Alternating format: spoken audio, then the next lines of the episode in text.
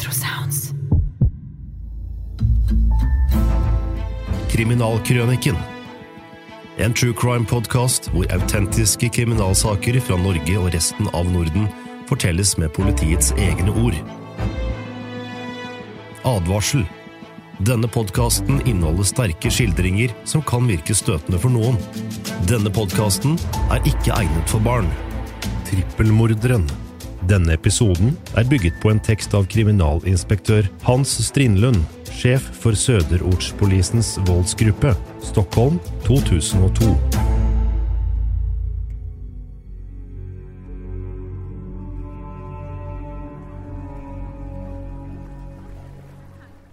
De fleste her i landet har ikke noe forhold til Valborgaften, men i Sverige feirer man dagen 30. april, og for de fleste er dette en hyggelig kveld.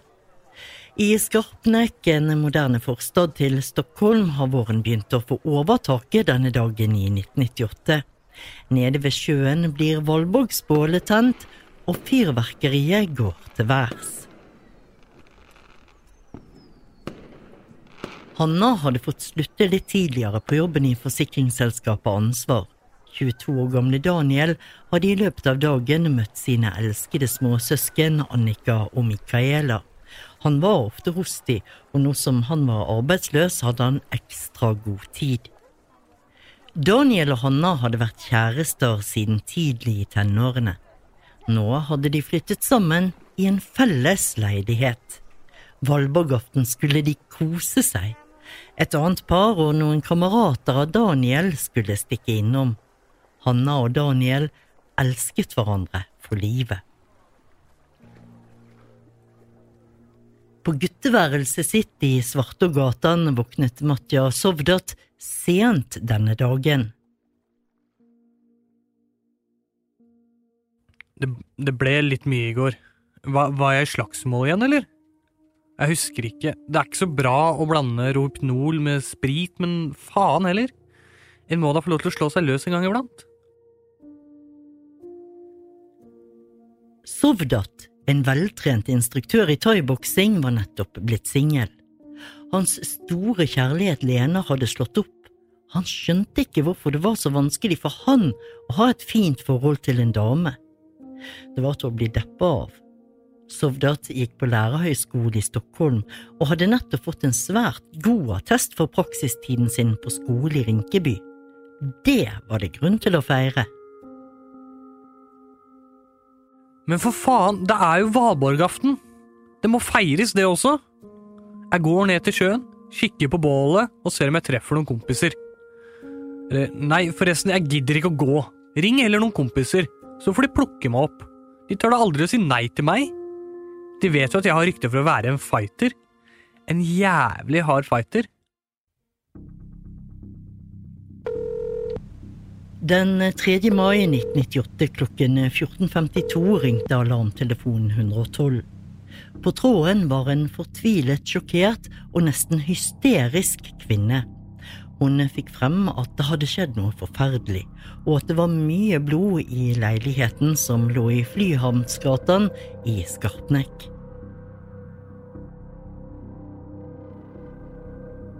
Politiet rykket ut til adressen.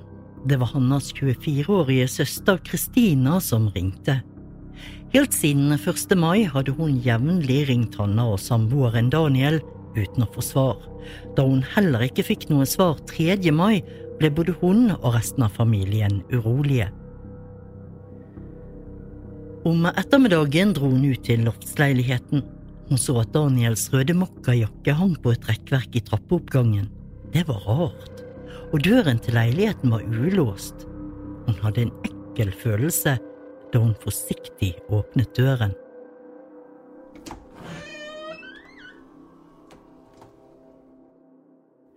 Inne ble hun møtt av et grusomt syn. Gulvet i entreen lå badet i blod, og det var blodflekker oppover dører og vegger. På det blodige gulvet lå det en hvit feiekost, og ved siden av sto det en rød plastbøtte. Det var tydelig at noen hadde forsøkt å sope blodet bort ifra gulvet, uten å lykkes særlig bra.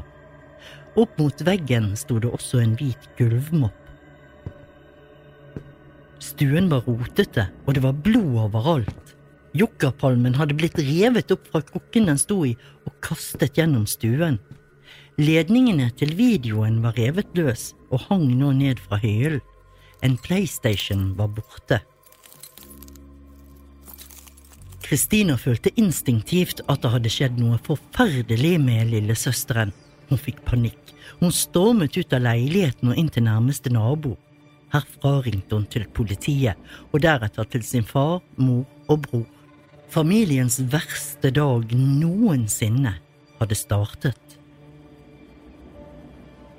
Vi kan bare takke skjebnen for at hun ikke oppdaget kroppene til Hanna og Daniel som lå slengt over hverandre som et kors inne på toalettet, badet i blod, bestialskt myrdet.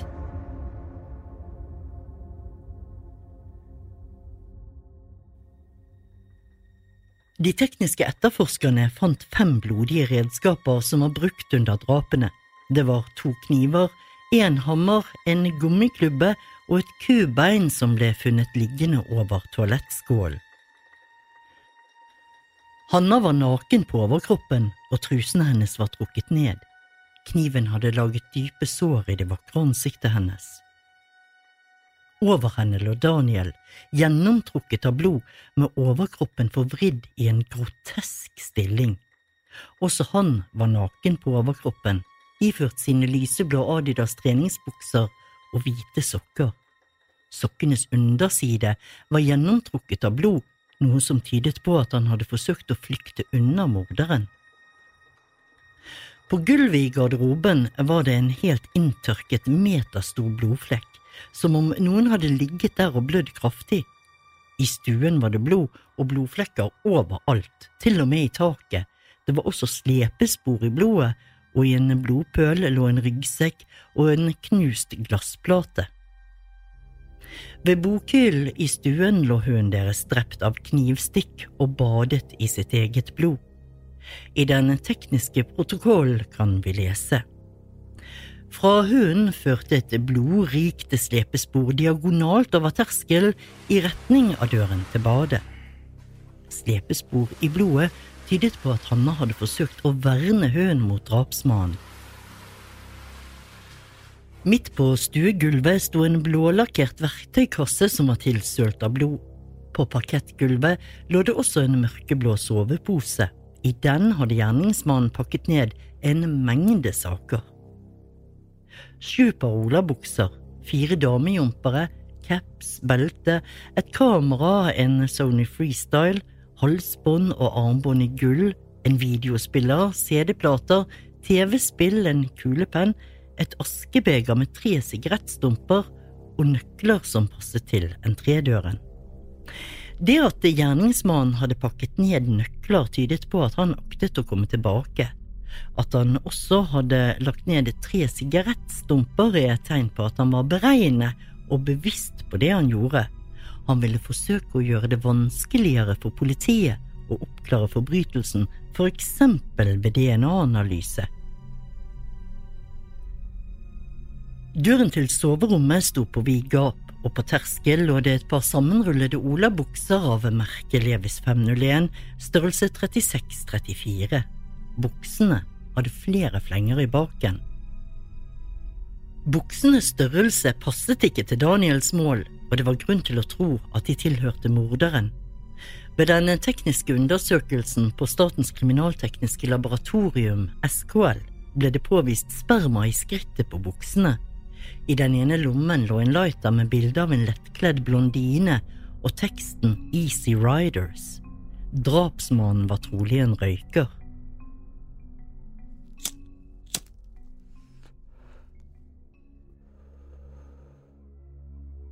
Dersom Christina hadde gått inn i soveværelset, ville hun ha sett at dobbeltsengen var flyttet ut fra veggen.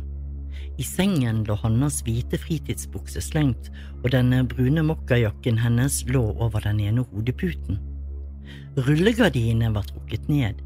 Ved fotenden av sengen lå en svart tøyveske. Den inneholdt en tynn dametrøye, et målebånd og nøkler. På bunnen av vesken lå to gullringer, den ene merket Daniel 1.1.93. Lengst ute på sengekanten lå noen klesplagg og et stykke filt. På gulvet under sengen lå spiralkabel til telefon i entreen. En formforandring på ledningen viste at den var revet løs fra telefonrøret. Hadde det vært kamp om telefonrøret? Også i soverommet var det blodflekker mange steder, blant annet ved lysbryteren. Et bilde som lå på gulvet, hadde blod på den siden som vendte ned. På en liten skinnsofa var det også blod. Det var det også på veggen bak sengen. Der gikk blodflekkene opp til 160 cm over gulvet, noen av dem så ut til å komme fra blodig hår. Både i sengen og på gulvet var det blod. Kriminalteknikerne kunne senere konstatere at dette stammet fra Hanna.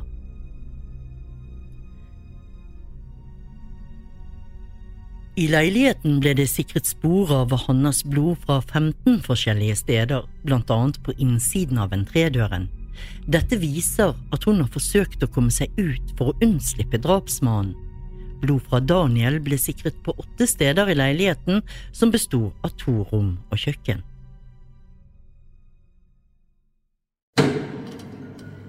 Under obduksjonen av Daniel ble det funnet over 90 skader på kroppen hans som var påført av morderen. Dødsattesten fastslår den umiddelbare dødsårsaken som ytre forblødning fra tallrike sårskader på forskjellige steder av kroppen.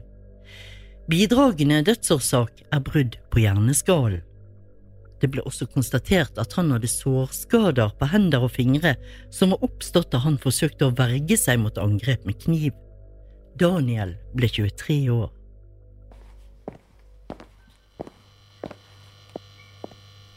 Obduksjonsprotokollen for Hanna inneholdt nesten 100 punkter. Dødsattesten fastslår at den umiddelbare dødsårsaken var innånding av blod i luftveiene, åpne brudd på ansikts- og skalleben. Hannas hode ble truffet av minst tre slag med en hammer. To brudd på underkjeven kommer av stumpvold, muligens med slagvåpen. Hennes venstre øye hadde en skarpkantet sårskade, 2,5 cm dypt. Hun hadde blodige avskrap under samtlige negler, noe som viser at hun har forsøkt å forsvare seg. Hanna ble 21 år.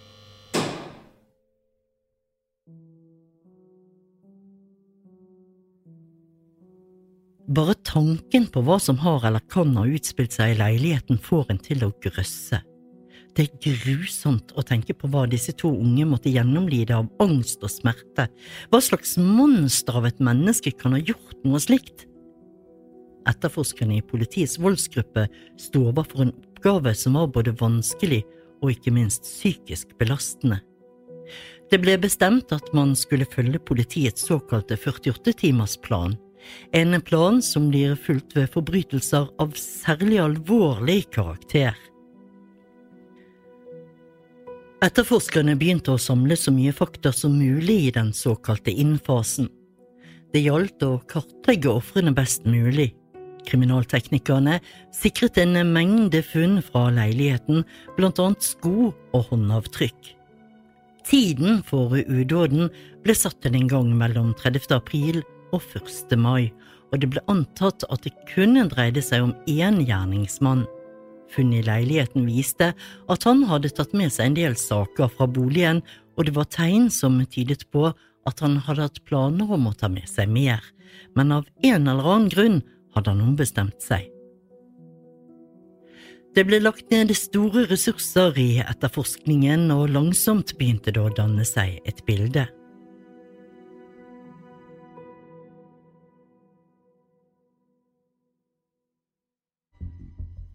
Avhør i det unge parets bekjentskapskrets ga politiet mange opplysninger, og om kveld 3. mai kom et tips som spaningsledelsen vurderte som meget interessant. Under et avhør var det kommet frem at Daniel hadde avtalt å møte en mann ved Bergholmsskolen valborgaften. Vitner kunne fortelle at denne mannen hadde olabukser med flenger i buksebaken, og han bar på en rød caps. Snart kunne spaningsgruppen konsentrere seg om en mann på 23 år som bodde i Svartågatan.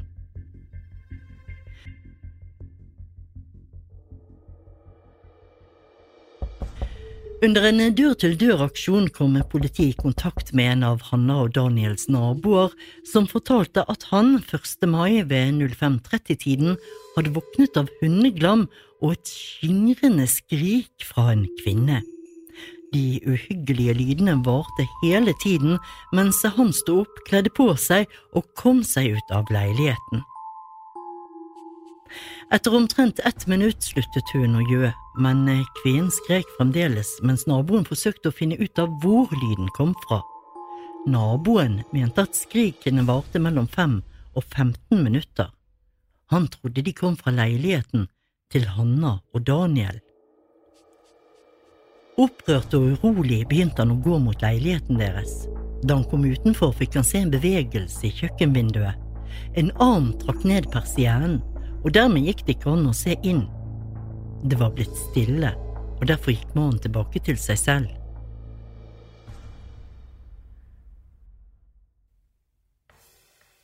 Om morgenen 6. mai ble 23-årige Matja Vladimir Sovdati fra Svartågatan hentet inn til avhør. Sovdat fortalte stolt at han for tiden var i ferd med å utdanne seg til lærer ved Lærerhøgskolen i Stockholm, og at studiene de gikk bra. Han innrømmet at han kjente Hanna og Daniel og beskrev de som hyggelige og snille. Han hadde vært hjemme hos de to ganger, fortalte han. Han og Daniel pleide å spille TV-spill, men han hadde ikke sett noen av dem de siste to ukene. Selv hadde han for det meste oppholdt seg hjemme. Han hadde ikke vært i Skarpnekk i helgen, og han hadde ikke snakket med noen av de to i løpet av helgen. Fra dette øyeblikket visste etterforskerne at denne mannen løy. Avhør i bekjentskapskretsen og undersøkelser i Telia avslørte løgnen. Straks avhøret var over, ble det besluttet at Sovdat skulle arresteres mistenkt for dobbeltdrapet på Daniel og Hanna. Nå gjaldt det for etterforskerne å sikre bevis. Boligen hans ble ransaket.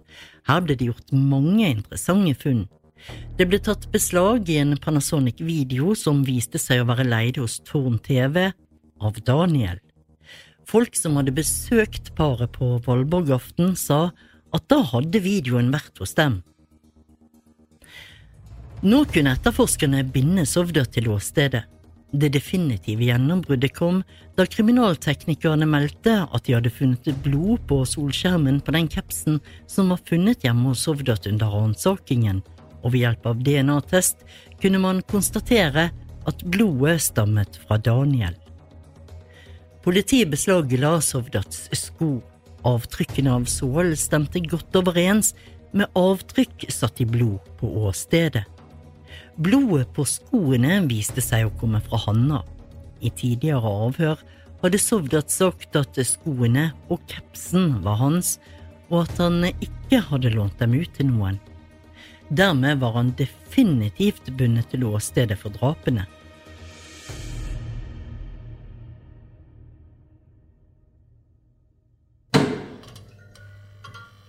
Spaningsledelsen besluttet at det nå skulle holdes regelmessige avhør av Sovdot. Hittil hadde han bestemt nektet for å ha drept Hanna og Daniel. Han sa at han hadde likt dem godt begge to, spesielt Hanna, og med et lite smil om munnen hadde han forklart at han nesten syntes Daniel hadde en altfor god dame. I avhørene virket Sovdat både munter og selvsikker. Han var verbal, han hadde gjennomtenkte svar, hele holdningen hans var stolt, og han viste aldri tegn til uro. Det virket nesten som han nøt det å være hovedperson. Sakte, men sikkert presset avhørslederne Sovdat opp i et hjørne. I tur og orden fikk han høre om de fakta etterforskerne kjente til.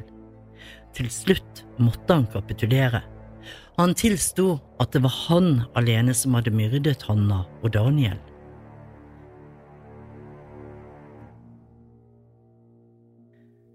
Han virket nærmest uberørt og saklig da han fortalte hvordan det hadde skjedd.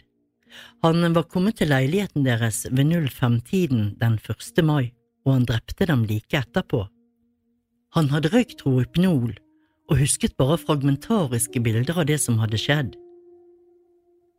Avhøret, som er skrevet ned på 33 sider, er uhyggelig lesning. I korthet oppgir Sovdat følgende hendelsesforløp. Ved et tidligere møte hadde Daniel sagt at han hadde planer om å begå forsikringssvindel, og han ville at Sovdat skulle hjelpe ham med dette. Ifølge Sovdat skulle de oppgi at det hadde vært innbrudd i Daniels bolig, og at blant annet TV-en var blitt stjålet.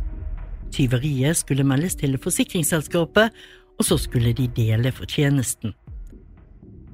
Om denne historien er sann, eller om det er en konstruert løgn, det har man ikke greid å bringe på det rene, men Sovdat sier i alle fall at han denne natten hadde gått til Daniel for å gjennomføre forsikringsbedrageriet. Daniel hadde da nettopp våknet, og han var ikke interessert i bedrageriet. Sovdat hadde sagt at de skulle gjøre det, og for å overbevise Daniel hadde han hentet en brødkniv i kjøkkenet. Sovdat rettet kniven mot Daniel og presset ham inn i garderoben i entreen. Da ble Daniel redd og skrek ta det du vil ha. Sovdat fortsatte å true Daniel inn i garderoben. Sovdat fortsetter sin forklaring. Plutselig ser jeg Daniel kikket over skulderen min. Jeg snur meg og ser at Hanna kommer farende med en hammer i hånden. Jeg hugger til Daniel med tre stikk mot overkroppen og ser at det kommer blod ut av munnen hans. Så snur jeg meg og tar tak i Hanna og drar henne inn i stuen. Hun skriker, og for å få henne til å tie, trykker jeg hånden min over munnen hennes. Hun får da tak i en dørkarm, men jeg slår henne i ansiktet med albuen. Vi faller over ende, og jeg setter meg skrevs over henne med hånden over munnen hennes. Hun biter meg i hånden, og jeg, derfor tar jeg en hammer og slår henne to ganger i hodet. Her blir det tomrom i minnet hans. Han husker ikke noe mer før han får se en hund som glefser. Da blir han klar igjen og kan fortsette. Jeg så hvordan Hanna lå på gulvet med en kniv stukket inn i et øye. Det høyre øyet, faktisk. Så jeg tok tak i bikkja og skar halsen av den. Jeg husker at jeg tok noen saker med meg, og jeg trakk igjen persiennene på kjøkkenet. Men etter det husker jeg ikke mer. Politiet ville gjerne tro på Sovdas forklaring, men noe sier dem at hendelsesforløpet i virkeligheten var mye mer brutalt. På flere vesentlige punkter kan man slå fast at forklaringen hans ikke stemmer med de funn og andre fakta som er brakt for dagen. Obduksjonen viste at Hanna og Daniel hadde langt flere stikkskader og knusninger enn det Sovdat hadde angitt. Daniel hadde for eksempel blødende skader som kom fra kraftige slag med kubeinet, og videre hadde han knivhugg i begge knærne som var så alvorlige at de trengte igjennom. Knivhugg mot nakken og i ansiktet og vergeskader på hendene. En annen av Sovdats påstander som beviselig er usann, er at Hanna hadde bitt ham i hånden. Under en rettsmedisinsk undersøkelse av Sovdot ble det ikke registrert noe som kunne tyde på at han var blitt bitt. Ikke engang drapsmannens opplysning om at han hadde løftet opp hunden og skåret halsen over den, er korrekt. På Statens veterinærmedisinske anstalt i Uppsala ble denne lille hunden obdusert, og da ble det konstatert andre skader. I uttalelsen ble det påvist en rekke sår i halsregionen og to dype skjæresår på venstre side av brystet. De siste ble vurdert som dødelige fordi de hadde perforert brystveggen og ført til alvorlige skader i brystkassens organer. I en pause under et avhør sa Sovdat spontant. Faen vet jeg om jeg myrdet Hanna og Daniel fordi jeg var misunnelig på det fine forholdet deres. Mitt gikk jo i stykker.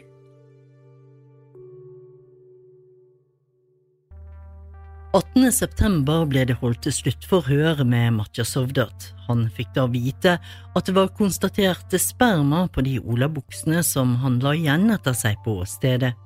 De kriminaltekniske undersøkelsene viste at spermaen stammet fra han. Han kunne ikke gi noen forklaring på hvordan spermaflekkene hadde oppstått, og dette var første gang politiet syntes de så tegn til skam hos ham. Man kan ikke utelukke at morderen har fulgt lyst og blitt seksuelt opphisset av drapet, og at dette har ført til spermaflekken. Under etterforskningen kom det opp et forhold som viste at eh, Matja Sovdat kunne bindes til et annet drap. Politiet hadde under en ny ransaking av boligen hans tatt beslag i flere par sko. På et par av de skoene som ble sendt til kriminalteknisk undersøkelse, ble det påvist blod som stammet fra en 70 år gammel mann som i 1996 ble funnet brutalt drept i sin leilighet i Borgamossen. Dette drapet var blitt etterforsket av lønnskriminalpolisen i Stockholm, men man hadde ikke greid å binde noen gjerningsmann til det. Nå tilsto Sovdat i avhør at han også sto bak dette mordet. Han ga en detaljert forklaring om hva som hadde skjedd da den gamle enslige mannen ble drept. De hadde ikke kjent hverandre fra før. Offeret var blitt kvelt med sitt eget belte og skåret opp med en kniv før et skrujern ble slått inn i hjerteregionen ved hjelp av en hammer. Sovdats forklaring stemte helt med de funn som den gang var gjort på stedet, og han kunne dermed bindes til drapet. Også ved dette drapet hadde han opptrådt meget brutalt og brukt grov vold. Det var store likheter i modus operandi når man sammenlignet det med dobbeltdrapet i Skarpnek. Under etterforskningen av drapet på den gamle satte to ganger mennesker i varetekt som mistenkte, et finsk par og en ung mann. Det føltes godt for politiet å endelig kunne renvaske disse personene.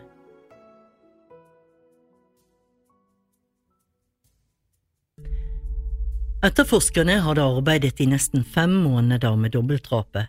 Nå trengte de avløsning.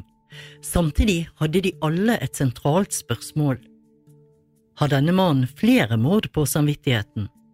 Mye kunne tyde på det. Politiet hadde vanskelig for å tro at det brutale drapet på 70-åringen skulle være gjerningsmannens debut. Under avhør forsøkte politiet å komme inn på spørsmålet om flere grove voldshendelser. Sovdat nektet for å ha begått flere drap, men han fortalte om noen tilfeller av mishandling.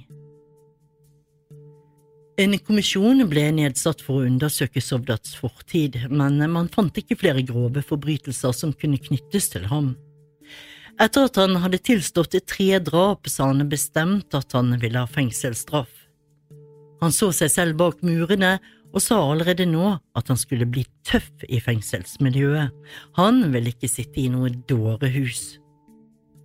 Etter inngående samtaler med professor Sven Åke Kristiansson fikk han likevel et annet syn.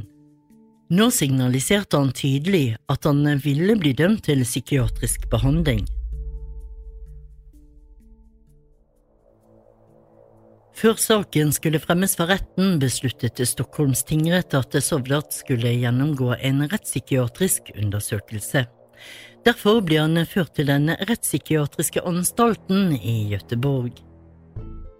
I uttalelsen derfra heter det at Sovdat ved undersøkelsen og ved ugjerningen ikke hadde vært så psykisk syk at han ikke kunne dømmes til fengselsstraff. Hans forsvarer anket uttalelsen, og det førte til en ny undersøkelse, denne gangen i Umeå. Der kom han fram til at Sovdat både ved undersøkelsen og på behandlingstidspunktet hadde vært så psykisk syk at han ikke kunne dømmes til fengsel, men måtte få psykiatrisk behandling. Stockholms tingrett aksepterte dette, og Matja Sovdat ble innskrevet som pasient på et velkjent psykiatrisk sykehus i Midt-Sverige.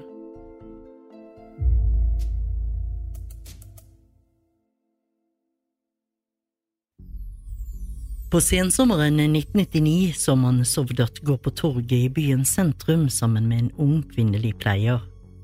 Med tanke på hans evne til å drepe sine medmennesker, fryktet flere av de i politiet som hadde jobbet med sakene, at han eh, ville klare å bli utskrevet etter forholdsvis kort tid. Alt de kunne gjøre, var å be Vår Herre om at så ikke skulle skje.